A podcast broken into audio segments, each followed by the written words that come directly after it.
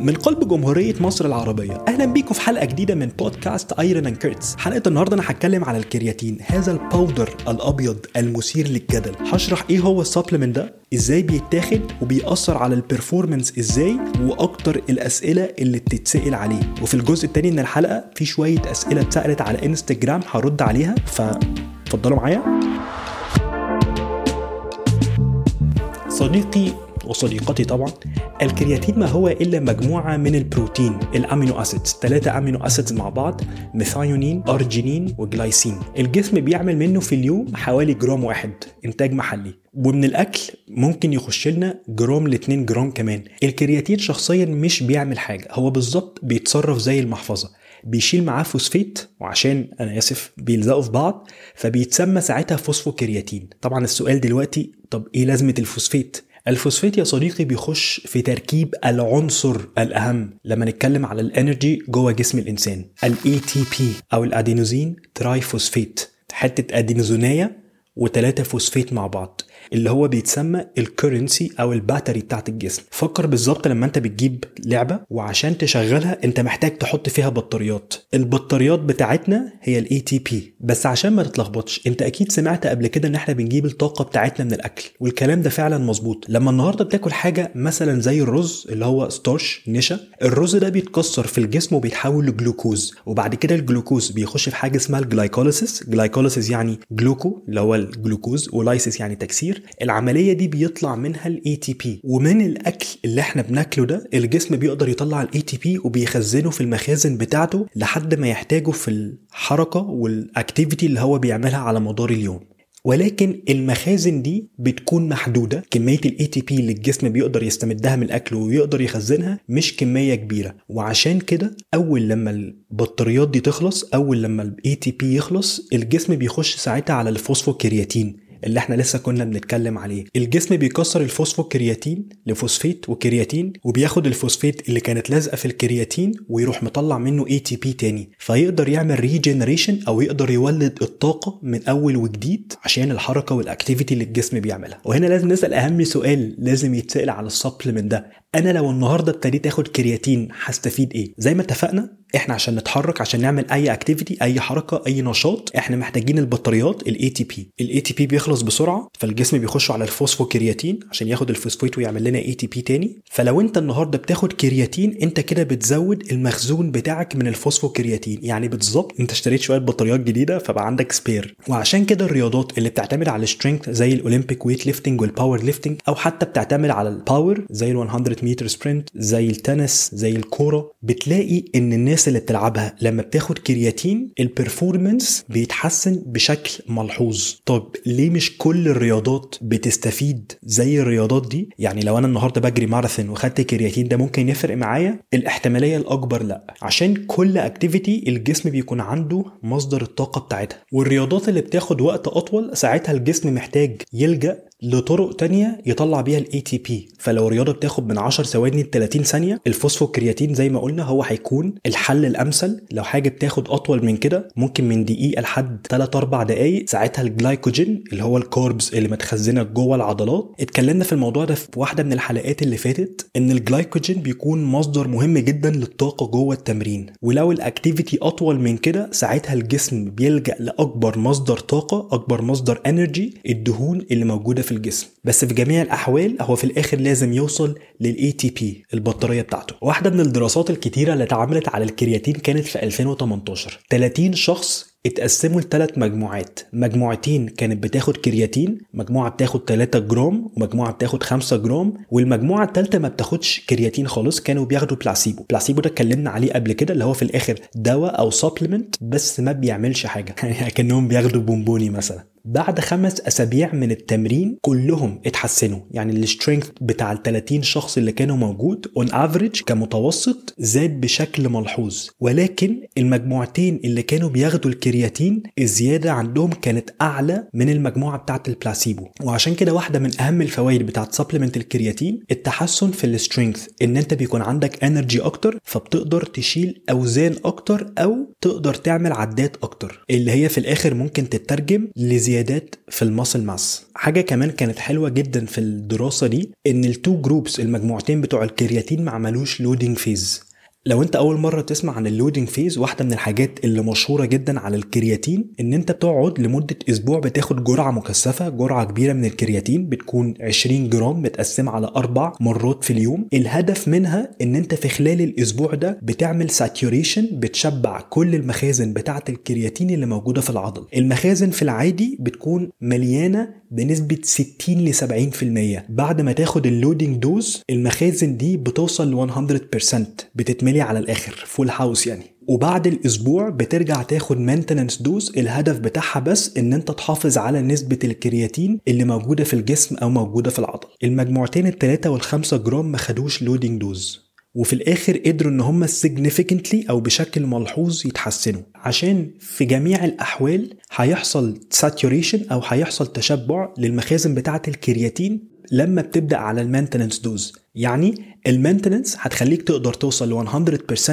كرياتين في الجسم بعد أسبوعين تقريبا ال loading بعد أسبوع. فيعني ما أعتقدش إن الأسبوع ده هيغير حاجة في مسيرتك الرياضية بس يعني لو عايز تاخد ال loading dose ممكن طبعا. هي مش هتفرق قوي. ممكن الحاجة الوحيدة المؤثرة بس إن ساعات بالنسبة لبعض من الناس الكمية الكبيرة بتاعت الكرياتين اللي هم ال 20 جرام بتوع ال loading ممكن يكونوا مش مريحين للجهاز الهضمي. يعني ممكن يعملوا GI discomfort يحسسوك يعني إن أنت يعني بطنك وجعاك عايز تخش الحمام. يعني خلاص مش مهم التفاصيل بس أنتوا فاهمين أنا رايح فين. المهم في الآخر بس إن أنت توصل لل maintenance dose وتحافظ عليها. ال recommendations بتقول إن إحنا ناخد ما بين 0.04 جرام لحد 0.05 جرام per كيلو جرام per day يعني أنت النهارده لو وزنك 100 كيلو ساعتها هتاخد 5 جرام في اليوم. لو وزنك مثلا 80 كيلو زي حالاتي هتاخد 4 جرام في اليوم. فما بين 3 ل 5 جرام ده هيكون الجرعة المناسبة تقريبا لمعظم الناس. طبعا لو وزنك أكتر من كده هتحتاج كرياتين أكتر. أكتر نوع متجرب من الكرياتين هو الكرياتين monohydrate وده أشهر نوع منه وبصراحة هو يعتبر أحسن نوع كرياتين. السبب عشان الكرياتين monohydrate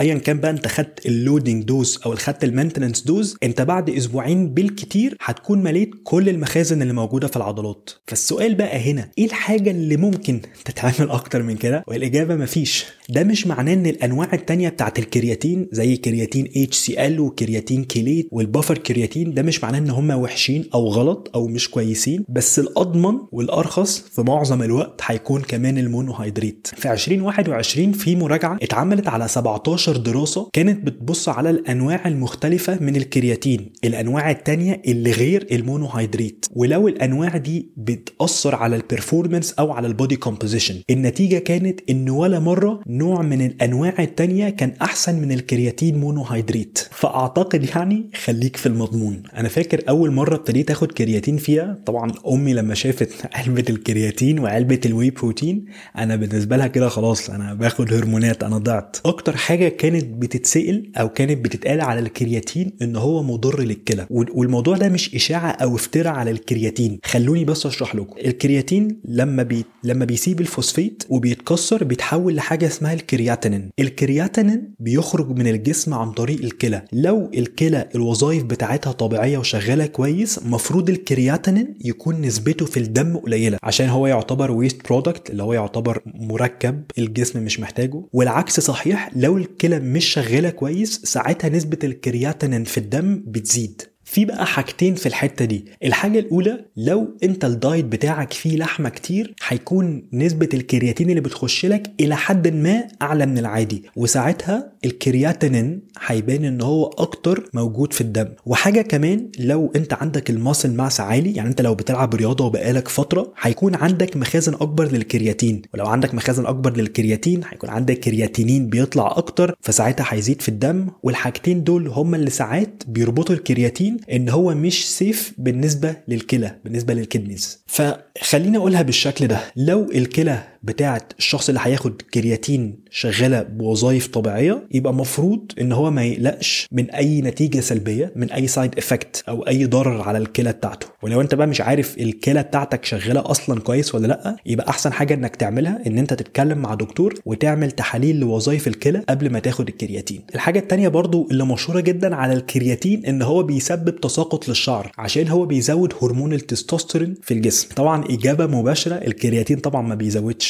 هرمون الذكورة. بدليل يعني إن ال International Olympic Committee ال IOC حاطه الكرياتين إن هو واحد من أوائل ال supplements اللي هي بترشحها للناس اللي بتلعب رياضة يعني بشكل محترف. فهو لو كان في أي شبهة إن هو بيزود هرمون زي هرمون التستوستيرون اللي معروف إن هو بي boost ال performance بأشكال طبعا مختلفة كان ال IOC يعني حطوه جدول يعني كان حطوه من ال من ال supplements اللي ممنوع إن الرياضيين ياخدوها. بس خليني كمان أشرح لكم الفكرة دي جت منين. الحاجة الأولى كان في ثلاثة studies منهم واحدة كانت في 2009 النتيجة بتاعتها إن الناس اللي كانت بتاخد الكرياتين في الدراسة دي زاد عندهم هرمون ال DHT ال dihydrotestosterone ال dihydrotestosterone اللي هو طبعا باين من اسمه يعني إن هو derived أو جاي من هرمون التستوستيرون ده واحد من هرمونات الذكورة اللي هو بيعمله في الجسم إن هو بي amplify أو بيزود ال male characters في الشخص اللي بياخد الهرمون ده. يعني بيزود صفات الذكورة في الشخص اللي عنده الهرمون ده عالي. وعشان ده واحد من ال androgens فهو معروف إن هو من مسببات تساقط الشعر. الحاجة التانية إن الكرياتين بيقدر يزود حدة التمرين وعشان حدة التمرين بيزيد فبيحصل acute changes بيحصل تغيرات قصيرة المدى في ال hormones اللي موجودة في الجسم بعد التمرين. فطلعت استنتاجات إن التغيرات قصيرة المدى ال acute changes اللي بتحصل دي ممكن تترجم لل long term effects يعني ممكن تترجم لنتائج طويلة المدى. عندي بقى كذا حاجة أرد بيهم على النقطتين دول. الحاجة الأولى إن تساقط الشعر بيحصل من كذا حاجة في نفس الوقت منها طبعا الجينات. والزيادة اللي حصلت في DHT للناس اللي كانوا في الدراسة دي كانت برضو مخلياه في المعدلات الطبيعية. فالسؤال هنا هل الزيادة اللي كانت عندهم دي ممكن تسبب تساقط شعر؟ فبصراحة أنا مش عارف وأي حد هيرد على السؤال ده هيكون بيستنتج بس لازم تاخد بالك إن ما حصلش أي replication للدراسة دي تاني. يعني ما فيش ولا مرة اتعملت دراسة تانية طلع فيها إن ناس كانت بتاخد كرياتين زاد عندهم ال DH ودي نقطة ضعف كبيرة جدا في الدراسة بتاعة 2009 حاجة تانية كل ال acute changes كل التغيرات السريعة اللحظية اللي بتحصل في ال hormones ما بتترجمش لل long term changes أو على الأقل معظم التغيرات دي. أكبر مثال لو أنت النهارده مثلا لعبت رجلين وعملت back squat وعملت deadlift في احتمالية كبيرة إن فعلا يحصل acute changes acute يعني حاجة بتحصل في وقتها chronic يعني حاجة بتكون مزمنة. فالكلمتين عكس بعض. ال acute changes اللي هتحصل دي عمرها ما هتخليك مثلا يعني بيج رامي يعني ما كانش حد غلب. فالنظرية بتاعت إن الكرياتين زود حدة التمرين حدة التمرين زودت التستوستيرون هي دي نظرية ممكن تبان منطقية على الورق بس في الحقيقة هي عمرها ما اترجمت على أرض الواقع. الحاجة الأخيرة بقى إن قدام الثلاثه studies اللي أنا اتكلمت عليهم اللي طلعوا إن الكرياتين ممكن يزود هرمون التستوستيرون في 10 studies الناحية الثانية كان مدتهم أطول وكان فيهم عدد أكتر من الأشخاص. وكل الدراسات دي طلعت إن ما كانش فيه زيادة في التستوستيرون من الكرياتين. اللي أنا عايز أقوله في الآخر إن مش عشان دراسة طلعت بنتيجة معينة إن أنا آخد الكلام ده زي ما هو بالظبط. وعادة لازم نستنى لما يكون في replication للدراسة إن النتيجة بتاعت الدراسة دي تتشاف في كذا دراسة تانية. فالإجابة يعني في الآخر إن الكرياتين مش بيزود التستوستيرون. ففي النهاية اللي أنا عايز أقوله إن الكرياتين واحد من أحسن ال supplement إن ما كانش أحسن supplement النهارده. طبيعي ممكن حد ياخده وهو بيلعب رياضة. مش محتاج كمان إن أنت تعمل له cycling إن أنت تاخده لفترة وبعد كده توقفه وبعد كده ترجع تاخده تاني. اضرب براحتك يعني. بنسبة كبيرة هتلاقي تحسن في ال performance بتاعك. مميزات الكرياتين كتيرة قوي. العيوب بتاعته قليلة قوي. قصة ال discomfort أو عدم الراحة اللي أنا اتكلمت عليها مع الجرعات الكبيرة. ساعات برضو في ناس للأسف بتحس بال discomfort ده حتى مع الجرعات الصغيرة بس الأعداد دي بتكون قليلة. فأنت ونصيبك برضو في الحتة دي. ممكن يحبس مية عند شوية ناس بس لو ده حصل هيكون كيلو ل 2 كيلو ونظريا ال retention ده أو الاحتباس ده المفروض يحصل جوه الخلايا بتاعة العضلات. فلو حصل المفروض إن هو يخلي الشخص شكله muscular أكتر. شكله يعني إن هو معضل يعني أكتر. باين إن أنت العضلات بتاعتك full قبل بس ما تقرر إن أنت تجيب ال supplement ده ما تنساش إن أهم حاجة ال caloric intake بتاعك كمية الأكل اللي أنت بتاكله. لازم تكون مناسبة مع التمرين بتاعك أو الهدف اللي أنت بتدور عليه من التمرين. بعد ال calories البروتين وال carbs وال fat. مهم جدا إن الكميات بتاعتهم تكون مظبوطة ومناسبة للتمرين اللي أنت بتعمله. وطبعا ما تنساش الخضار والفاكهة عشان كل الفيتامينات والمعادن اللي الجسم محتاج إن هو يستمدها من الأنواع دي من الأكل. لو عملت كده هيكون بنسبة 80 ل 90% طبعا يعني مش 90% بالظبط أنا بقول بال sense اللي قصدي يعني الاحتمالية الكبيرة إن أنت هتكون غطيت كل الحاجات اللي أنت محتاجها عشان التمرين والأداء وال performance والحاجات دي كلها. لو عايز بقى كمان تزود فوق الحاجات دي ساعتها فكر في ال supplements وأول حاجة تفكر فيها رايي إن هي تكون الكرياتين. في الجزء الثاني من الحلقة هرد على شوية أسئلة اتسألت على انستجرام بس يعني ردودي هتكون سريعة مباشرة مش هرغي يعني زي آخر مرة. السؤال الأول سأله صديق البرنامج بسام جمعة. ازيك يا بسام؟ بسام بيقول how to do body recomposition. بص يا كابتن بسام بمنتهى البساطة أول حاجة هتتأكد إن أنت بتاكل في ال maintenance calories بتاعتك. ممكن تكون عامل slight surplus عامل surplus حتة صغيرة أو عامل deficit حتة صغيرة. بس مهم جدا إن هو ولا يكون surplus جامد قوي ولا deficit جامد قوي. الحاجة الثانية اتاكد إن أنت بتاكل بروتين intake عالي. فلو إحنا بنتكلم من 1.6 ل 2.2 جرام رايي إن أنت تخليك ما بين الاثنين ما بين ال2 أو ال 2.2 فخلي ال intake بتاع البروتين عالي. وطبعا اتأكد إن التمرين بتاعك يعني مناسب جدا وبي complement ال hypertrophy بأكبر شكل. فيعني شغل جيماوية من الآخر يعني. السؤال الثاني سأله أحمد بهجت بهجت سأل على ال branched chain amino acids ال BCAA وال essentials amino acid ال EAA هل الحاجتين دول بيساعدوا في ال recovery بتاعة العضلات؟ آه كابتن بهجت الإجابة للأسف لأ. أهم حاجة عشان ال recovery بتاعة العضلات تتأكد إن أنت ال calories بتاعتك مناسبة الجرعة بتاعة التمرين مناسبة فما تكونش excessive وطبعا إن البروتين intake بيكون مناسب إن أنت ما تاكلش بروتين قليل. غير طبعا بقى الحاجات اللي بتتعمل بره التمرين زي النوم اللي هو أهمهم وبعد كده ال stress إن الضغط بتاعك يكون managed أو يكون عارف تتعامل معاه ولو عايز بقى تزود في الفرص بتاعة ال recovery بتاعتك يبقى ممكن تزود low intensity cardio حاجة زي التمشية أو عجلة خفيف جدا جدا أي نوع من أنواع ال cardio الخفيفة دي بت enhance أو بتسرع عملية ال recovery بشكل كبير. السؤال اللي بعد كده سألته ميليسيا إيهاب أتمنى اكون بنطق الاسم صح أنا آسف جدا لو بنطقه غلط يا إما ميليشيا إيهاب يا إما ميليسيا إيهاب بس أعتقد ميليسيا إيهاب.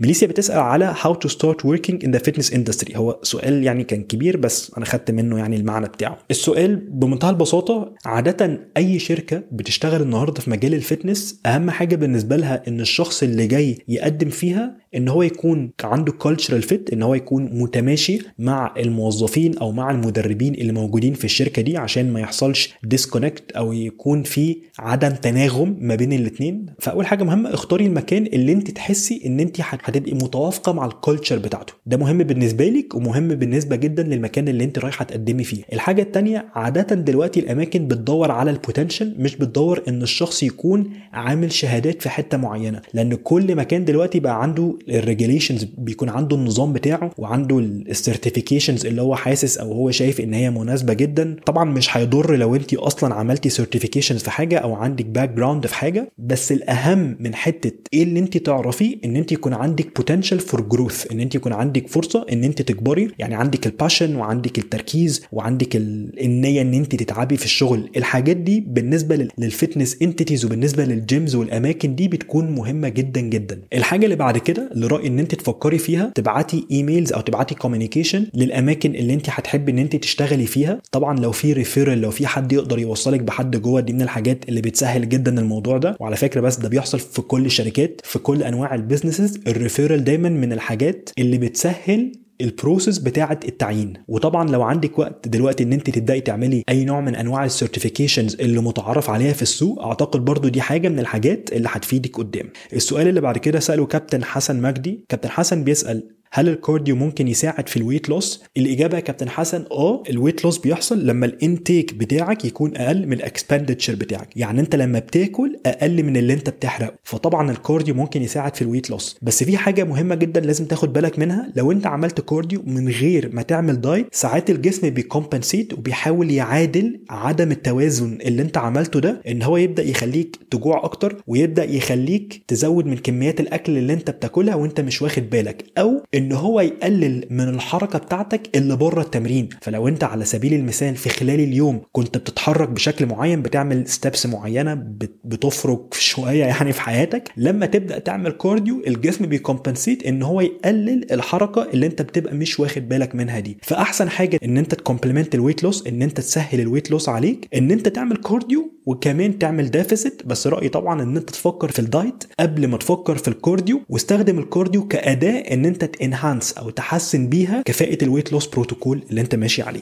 السؤال اللي بعد كده منا مدحت؟ منا بتسأل على هل السكر ليه negative side effects وإيه إيه الأضرار دي وإيه البدايل بتاعته. كابتن منا مفيش حاجة في المطلق غلط. مفيش حاجة في المطلق إن هي بتضر. أنت لو كلتها مرة واحدة هيحصل لك حاجة. المشكلة دايما بتحصل في الكميات مش في ال quality نفسها. بمعنى لو أنت النهارده الأكل بتاعك 80% كان خضار فاكهة بروتين أكل جاي من whole food وأكل كان nutritious وبعد كده في 10 ل 20% كان سكر كلتي chocolate bar كلتي تورتة في حتة مش هيحصل حاجة. بس لو إحنا قلبنا الموضوع ده وكان 80 ل 90% جاي من السكر وجاي من البيتزا وجاي من من البرجر الحاجات ال fast food يعني قصدي وجاي لك 10 ل 20% بقى كلتي تفاحة. يعني طبعا هو أحسن إن أنت كلتي تفاحة كويس إن أنت كلتيها فبرافو. بس في نفس الوقت لا يعني كده الموضوع فعلا ممكن يكون ليه أضرار. أضرار على ال energy بتاعتك. معدلات الطاقة ممكن تكون يعني مخيشة تماما. تحس إن أنت ما عندكيش الطاقة الكافية وتحس إن أنت مفرهده ده غير طبعا إن ممكن يحصل long term effects يعني أبسط حاجة إن كتر أكل السكر بالشكل ده هتلاقي إن أنت هتضطري عشان الأكل ده مش بيكون filling مش بيكون مشبع هيبقى أسهل عليك إن أنت تاكلي أكتر وهيبقى أسهل عليكي ساعتها إن يحصل weight gain ولما بيحصل weight gain معناها إن أنت كده in surplus كل بقى المشاكل بتبدأ تظهر من الحتة دي. كل بقى الحاجات اللي متعلقة بال diabetes type 2 بضغط الدم. فهتبدأي تحسي بالتأثيرات السلبية للجودة القليلة بتاعة الأكل ده. اللي أنا عايز أقوله في الآخر ما تقطعيش السكر خالص ما تفكريش في السكر إن هو إن هو وحش ومفروض تشيليه من ال diet. ال environment والبيئة بتاعتنا هتخليكي كل مرة ترجعي للموضوع ده صعب جدا. النهارده حد ي restrict نوع معين من أنواع الأكل زي ال carbs أو ال fats ويفضل عليه على طول. وللأسف لو في حد جرب إن هو يعمل كده لمدة أسبوع أسبوعين شهر ايا كان المدة هيلاقي في الآخر إن هو هيرجع. ولما يرجع هيرجع بشكل هيكون عنده نهم للنوع ده من الأكل. فالموضوع هيقلب بشكل عكسي. فأحسن حاجة تعمليها إن أنت تعملي moderation يكون عندك اعتدال في ال approach بتاعك للسكر. فالأفضل بدل ما أنت تفكري إن أنت عايزة تشيلي السكر من ال diet أو إن أنت عايزة تشوفي له بدايل إن أنت تفكري إن أنت تزودي الحاجات الكويسة كويسة. كلي فاكهة أكتر كلي خضار أكتر كلي بروتين أكتر